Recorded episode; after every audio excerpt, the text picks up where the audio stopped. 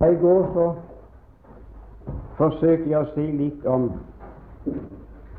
at Bibelen omtaler synd i to forskjellige former. Det vil si at den fremstiller synden fra to forskjellige synspunkter.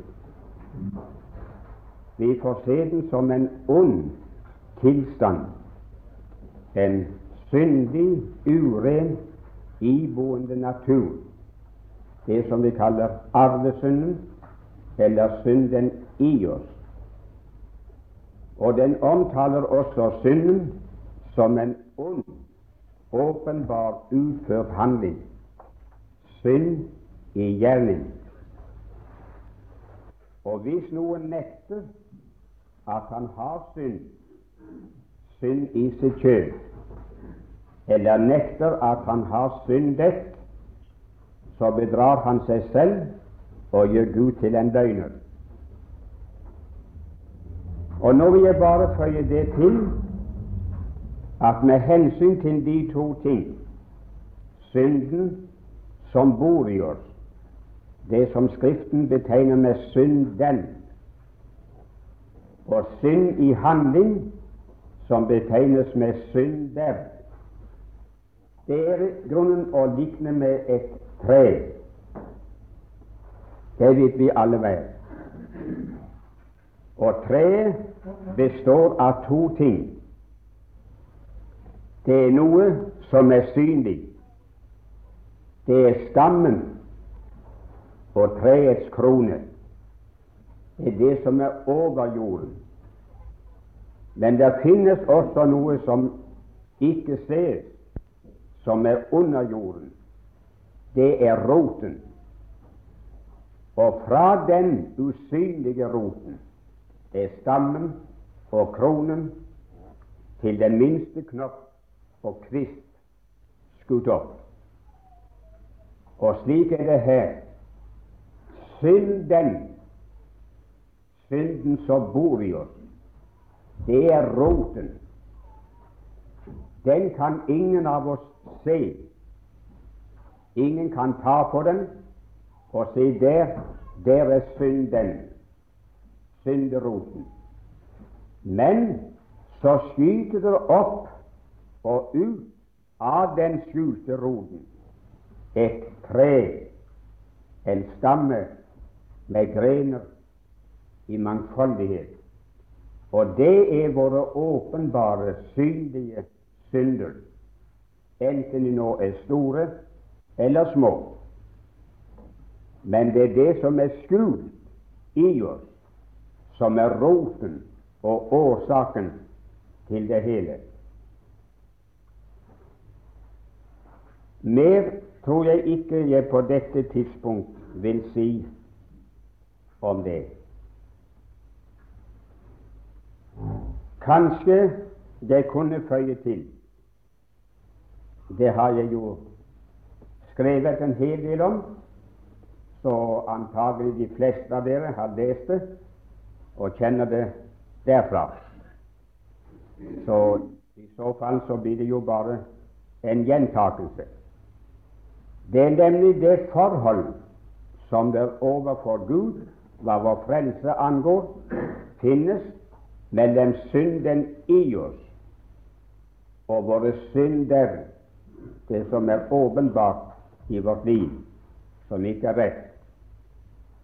Når det gjelder det som bor i oss, den onde, syndige natur, årsaken til alle våre synder, så har den fått sin dom i Kristi død på Golgata.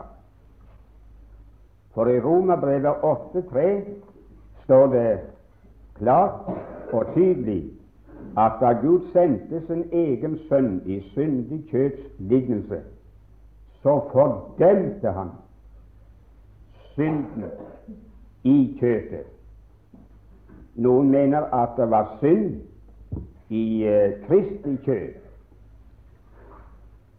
Og når det så står at han fordømte synden i kjøtet, så vil det bare si at han seiret over dem. Han var alltid i stand til i ethvert tilfelle å si nei til den synden og dens begjær, og aldri utføre det. Han led aldri noe nederlag. Og andre mener at han fordømte den i sitt eget kjøp derved at han døde for syndens skyld. For meg er det umulig å se det så. For når jeg leser Romerbrevet igjennom i sammenheng, også Romerbrevet 8, så finner jeg bare ett kjød omtalt, i det uttrykkelig står at det bor synd, og det er vårt kjød. Mens jeg finner intet sted i Skriften som sier at det var synd i Kristi kjøp.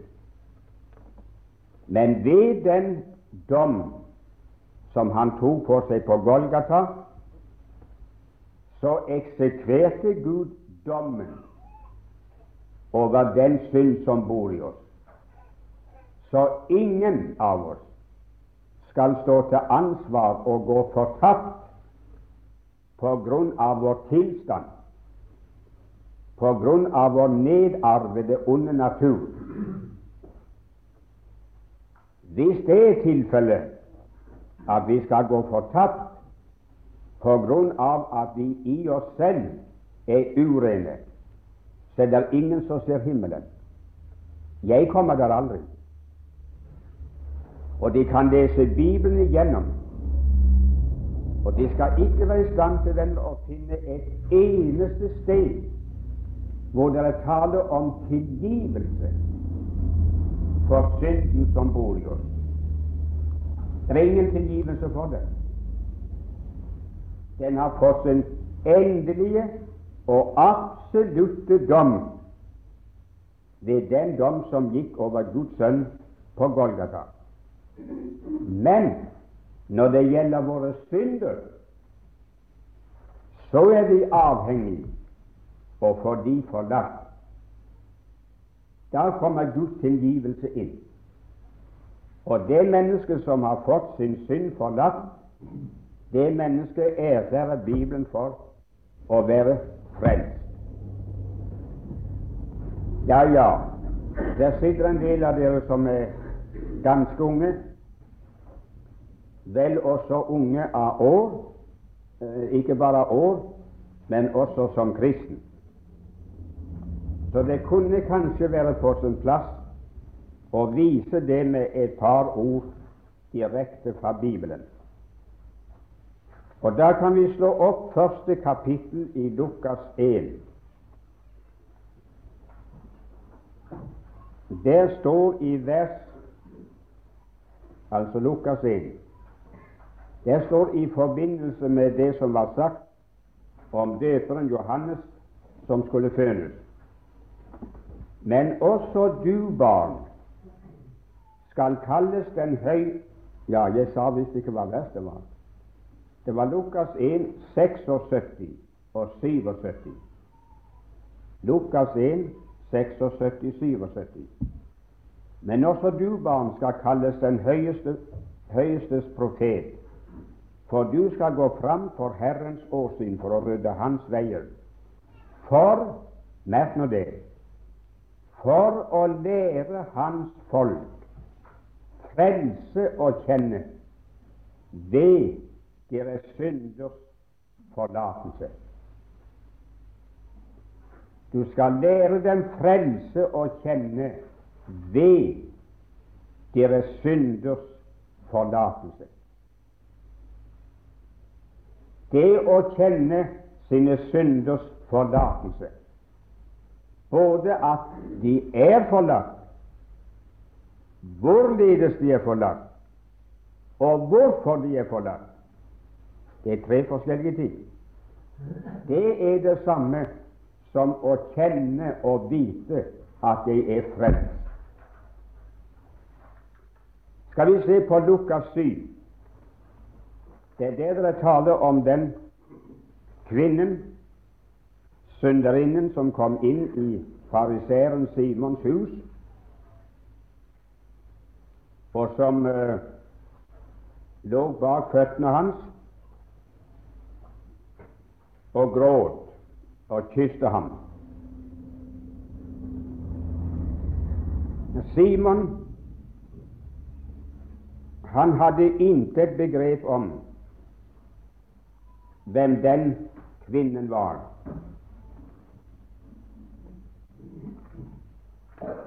Jeg må se meg jeg feil. Jo, det er Lukas 7, og det finner beretningen fra vers 36. Jeg nå bare refererer. Da han satt til bords der, eller rett og sagt lå til bords med føttene ut, så kom det inn en kvinne, helt overraskende, ubuden. Hun var ikke invitert, og gikk rett hen til Kristi føtter og lå der og gråt, vette dem med sine tårer og tørret dem med sitt hår og kysset ham. Dette satt Simon og så på. Det så ut for at han kjente den kvinnen og visste hvem og hva hun var. Og så satt han og tenkte Hvis Jesus visste hvem denne kvinnen var, så hadde han aldri tillatt noe sånt. Han hadde vist han ut. Han har gitt seg ut for å være Guds sønn. Han har gitt seg ut for å være profet. Og var han det, så ville han ha kjent henne, visst hvem hun var. En sløge. Og så viste henne vekk. Nå var forholdet det, heldigvis, at Jesus kjente henne bedre enn Simon. Han visste alt om henne. Og så sier han til Simon, vet dere Det var en som lånte ut penger.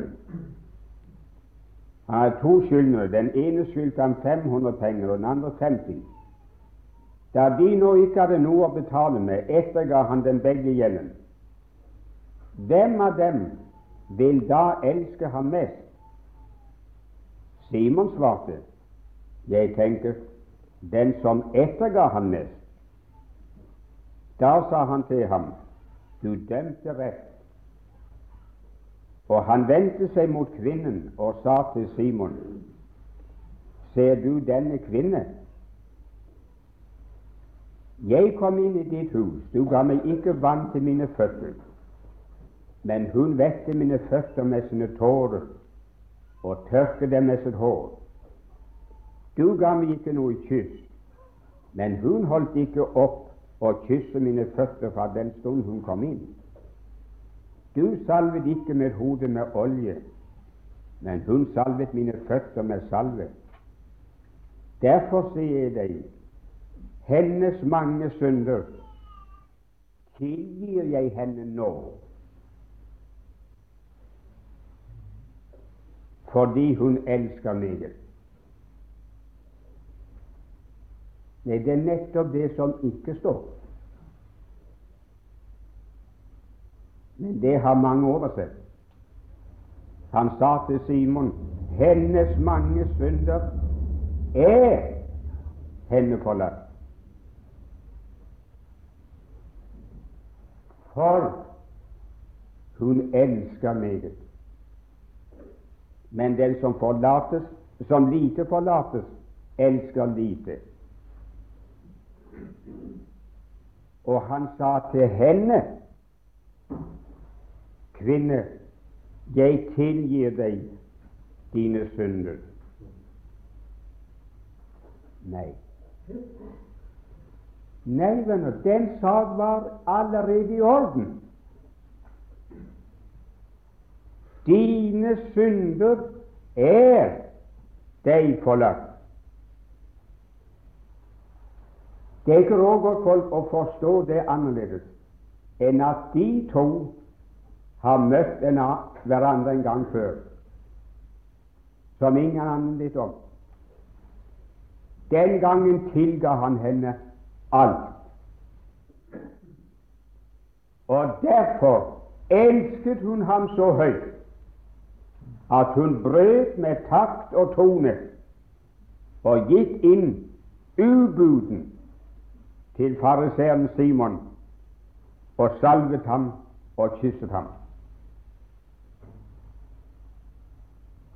Jeg husker en gang jeg talte i Ålesund. Jeg skulle tale om frelsesvisse. Det var satt opp som emne.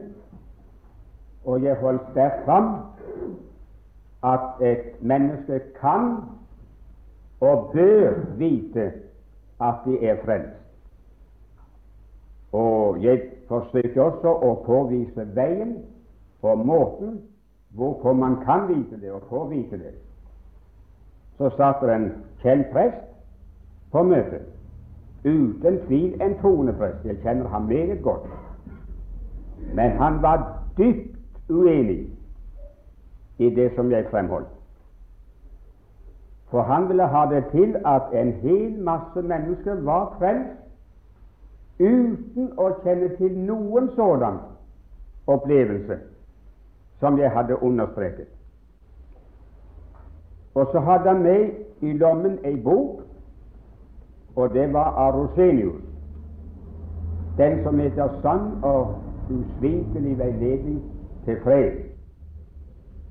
Så tok han den opp av lommen, kom frem på plattformen, og så takket han for en del av det som var sagt, men han måtte som prest få gjøre et forbehold og si fra at han ikke var enig i det som Bjerkem hadde fremholdt med hensyn til vissheten.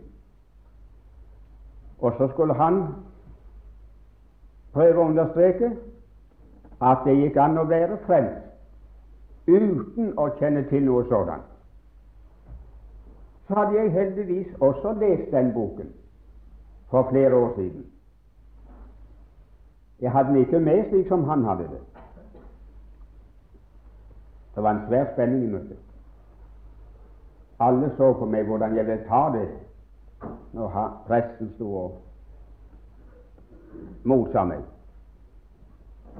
Så gikk jeg rolig frem, og så takket han fordi han var så ærlig at han ikke gikk ut på byen og sa dette her bak ryggen min, men sa det der på møtet så jeg hørte det selv, så jeg hadde anledning til å forklare meg.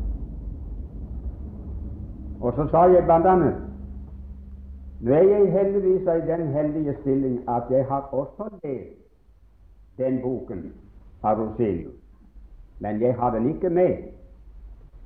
Men jeg lærte en hel del av den utenat for en del år tilbake. Og nå skal jeg få lov å gjengi et sitat, og så kan pressen selv undersøke om det stemmer. Og der sier den samme Roselius, når han har fremlagt måten på hvilket det skjer, at man blir viss på sine synders forlatelse. Og så sier han på denne måten går det an å bli så viss om sine synders forlatelse at om det var nødvendig, kunne man gå i retten og avlegge ed på at synden er forlatt. Sterkere kan det ikke sies, og sterkere har iallfall ikke jeg sagt det. Ja, ja, det var det. Men da møtet var slutt, så kom han opp og ba om en privat samtale, og det fikk han, selvfølgelig. Så sa han det, Jeg sa ikke noe etterpå det, det innlegget, for det er jo ikke så greit å diskutere den slags offentlig. Og når det gjelder Rosenius og det, så, så, har jo du også noe å stå på. Så det er greit. Men sånn, det er iallfall ett ord i Bibelen du ikke kan komme forbi. Og det var det jeg hadde interesse av å høre hvordan du vil manøvrere deg forbi det. Nå, det er altså bare ett. Ja, sånn, det er ett. I øyeblikket kommer ikke på flere sånn, men det er ett. Ja, da tror jeg jeg kan si det på forhånd hvilket det er. Du tenker på Lukas 7. Akkurat hvordan kan du vite det sånn? jo, så når, når, det ligger på denne linjen, og du sier det er bare ett, så måtte det være det. Ja, men kjære deg, sånn, hvordan, hvordan vil du komme fra det der? At der ligger en kvinne, en skjøge, ved Kristi føtter. Og så sier Jesus til Simon og til henne at syndene hennes er forlatt. Og så visste hun ingenting om det. Men, men kjære dem, sa jeg, er ikke de to lov? Har de lest Lukas 7? Ja, selvfølgelig har de lest det. da. Og så står det her og sier at den kvinnen ikke visste noe om det. Ja, kan du vise meg at hun visste om det? Det er nettopp det jeg kan ta i. Så slo jeg opp Bibelen, og så leste vi det sammen. Så sa jeg, si meg en ting, nevnte navnet hans. Hvorfor kom den kvinnen inn til Simon? Hvorfor lå hun der ved hans føtter og gråt og salvet ham? Ja, det måtte være fordi hun elsket ham. Selvfølgelig, for det står det. Men hvorfor elsket hun ham?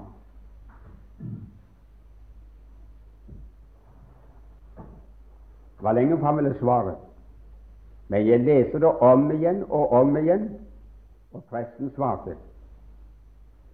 Men svaret hans det lød da så Jeg vet ikke om dette var merkelig. Det var godt jeg ikke sa noe etterpå det i sted.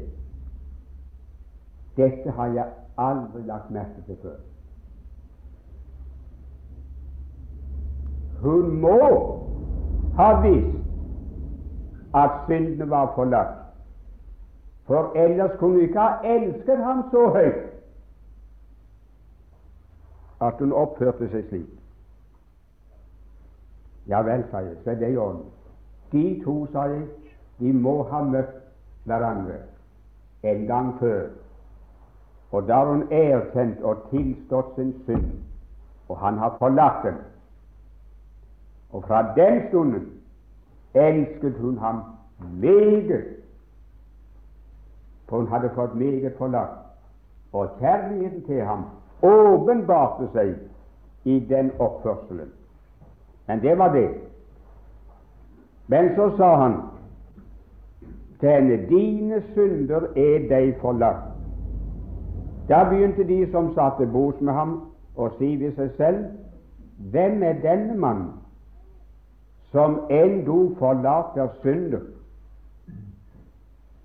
I parentes det var en ukjent ting på Jesu tid at mennesker kunne forlate andre menneskers synd på Guds vegne. Men den katolske kirke har ført det inn. Og vi har en god del av det her i vårt land, at menn står og sier, sier til mennesker Jeg har nesten sagt over en kamp, ikke ganske, at på Guds, på Guds og mitt hellige embetes vegne tilsier jeg deg alle dine synders nådige forlatelse. Det er noe helt nytt som er kommet inn i historien. Det er ingen som kan forlate synd uten Gud. Han dere synder imot. Har noen syndet imot oss, vel, så kan vi forlate. Men vi kan ikke ta Guds plass og tilgi på Hans vegne. Da måtte vi kjenne hjertene hvilket vi ikke gjør.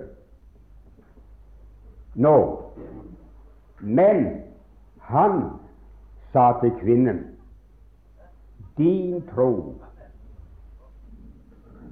skal en gang frelse deg, gå bort i håp.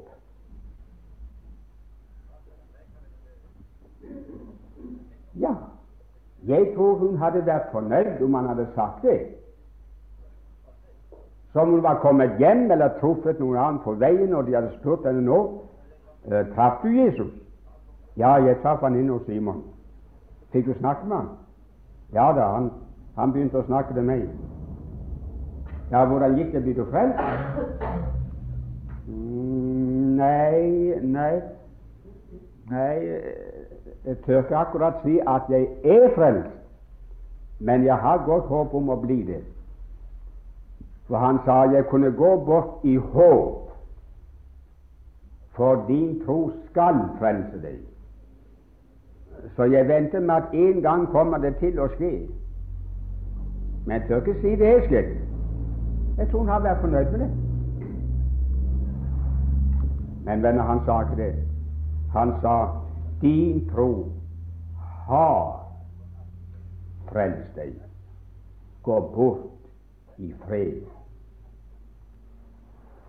Venner, det mennesket som har fått sine synder Jeg snakker ikke nå om synden i kjøpet, men den som har fått sine synder forlatt av Gud, han er frelst. Han er frelst. Og Gud, Guds sønn har løftet sin hånd over ham og fredlyst ham og sagt gå bort i fred. Det er ingen som kan røre deg. Når det var et par ord om forholdet mellom synden som bor i oss, og syndene av oss, det som er åpenbart for oss selv og for andre.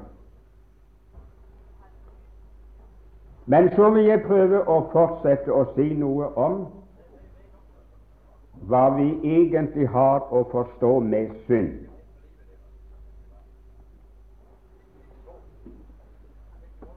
Dette er jo et ord som går igjen i alle våre prekener og alle våre vitnesbyrd.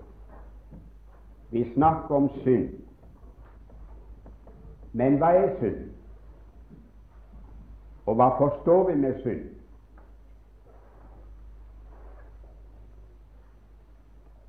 Etter mitt skjønn så gir Bibelen oss en meget klar definisjon av hva han mener med synd. Og den skal jeg prøve å gi dere litt av nå i disse timene. Dere kan notere dere De kan sette det altså under romertallet tre hva vi egentlig forstår ved synd. Hva vi egentlig forstår med synd.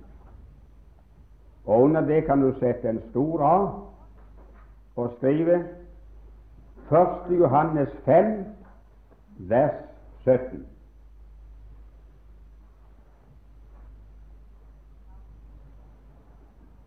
Første Johannes 5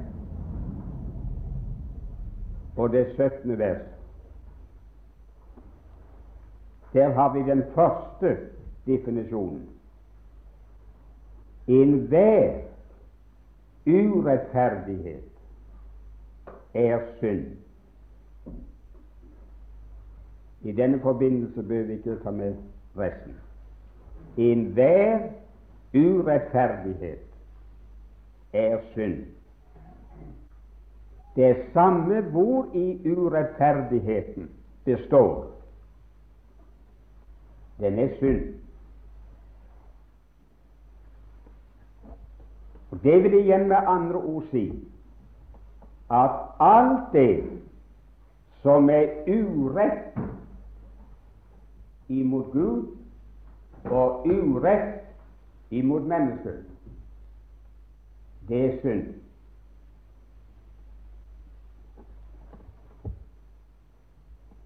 Vi kan ta med med det samme Jakob 4 og det 17. vers.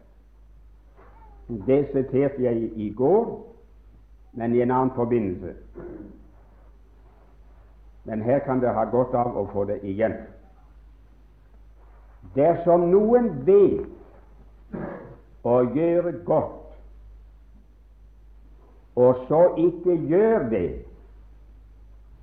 for ham er det synd.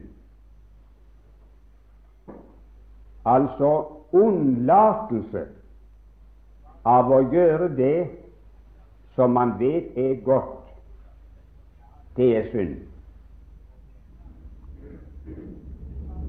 Jeg håper jeg snakker så sent at om jeg ikke nøyaktig dikterer, så kan det notere tankene ned, så det har meningen.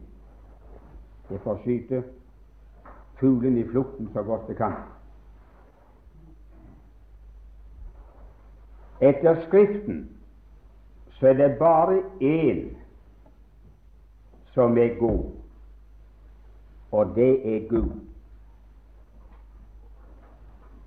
Og den moralske standard for et menneske som er skapt av ham, det er å leve og være som Gud.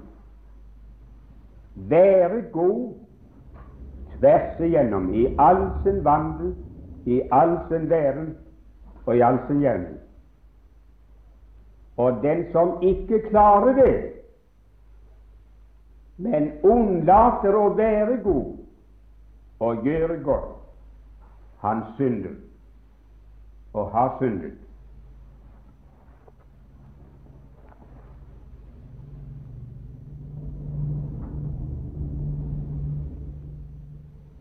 Men som jeg sa til en mann her i går etter timen.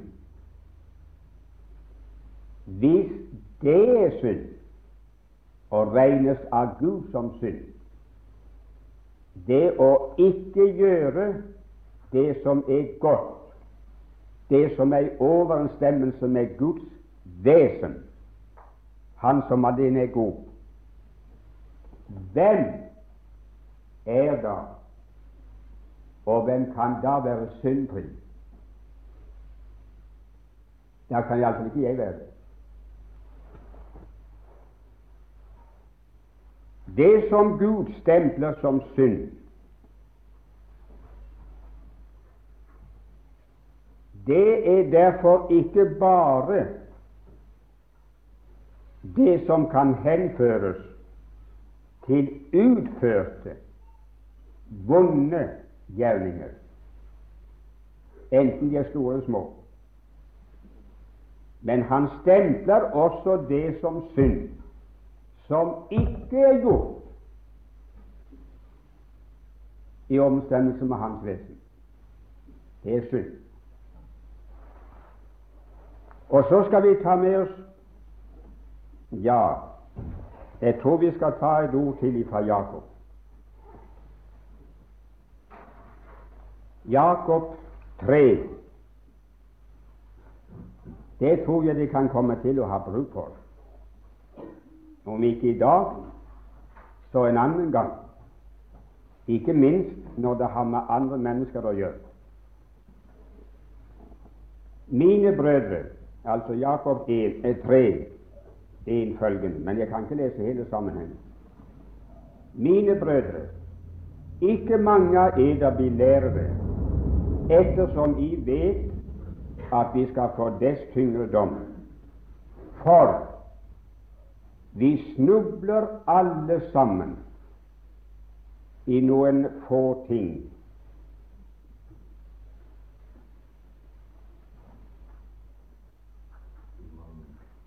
Å oh, ja, alle protestantene var ikke døde. Ja, jeg leste galt.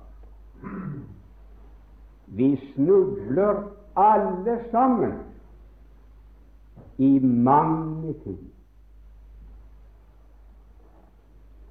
Den som ikke snubler i grammatikken, han er en fullkommen mann. Hører ofte folk bruke det ordet hvis noen står og preker og forsnakker seg. Og det ikke står for grammatikalske regler. Ofte så sier de, når de har fått snakket, ja, ja, der står jo skrevet at den, den som ikke snubler i sin tale, han er fullkommen. Neven har ingenting med den slags å bestille. Men hør nå.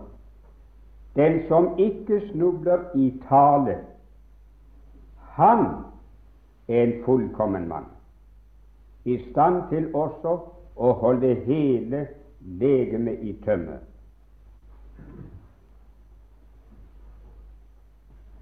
Ja, vi får lese litt. Når vi legger bitsel i munnen på hestene for at de skal lyde oss, så styrer vi og hele deres legeme. Se også på skipene. De er så store og drives av sterke vinder. Styres dog styres dog av et lite råd i styrmannen vil ha dem. Så er òg tungen et lite lem og taler dog store ord. Se en liten ild, hvor stor en skog den setter i brann. Også tungen er en ild, som en verden av urettferdighet står tungen blant våre lemmer. Den smitter hele legemet og setter livets hjul i brann, og setter selv i brann av helvete. For all natur, både i dyr og i fugler, både i ormer og i sjødyr, temmes og er blitt temmet av den menneskelige natur. Men tungen kan intet menneske temme. Det ustyrlige onde, fullt av dødelig gift, osv. Og den da som ikke snubler i tale, han er fullkommen. Det hender når, eh, når uh, pasienter kommer på legekontoret, og han skal stille en diagnose, så sier han 'takk, skal jeg få se tungen'? Så sier han etter om det er belegg og så slutter han seg en hel del til hvordan det er fart med den fysiske tilstand ut fra det han ser på tungen. Det er nøyaktig venner hva Jakob gjør når noen kommer og snakker om at de er fullkomne. Så sier Jakob bare 'takk, skal jeg få se tungen'? Har du snublet i den? Vi snubler alle sammen i mange ting, for ingen kan styre det lemmet som opphentet helvete. Det kan gå tålelig bra til sine tider og i visse tilfeller, men før vi vet ordet av, så klikker det og så har vi forsyndet oss. Og hvis det målet skal legges på oss, så sier jeg igjen hvem er da syndfri? Der passer det egentlig å stoppe i denne timen, og så skal vi senere fortsette og se på de andre definisjonene. Og det er først når de definisjonene er gjort klart, at vi har betingelse for å kunne forstå hva soning er for noe, og hva som fant sted på Golgata når det ble gjort soning for våre synder. Fader i himmelen, Vi takker deg for du gav oss ditt ord. Vi takker deg for vi fikk det på vårt eget tungemål, og for at vi har evnen til å kunne lese det og sette oss inn i det. Og der har du gitt oss hele sannheten, som hører med til frelse. All den veiledning som vi trenger i vårt liv, både når det gjelder vår egen person, vår tilstand, våre synder, og den frelse du har gitt oss fra all synd og fra alle dens følger. Nå har du hjulpet oss så langt. Vi ber deg om nåde over den del av samværet som står igjen. Gi oss å få se lys i ditt lys. Amen.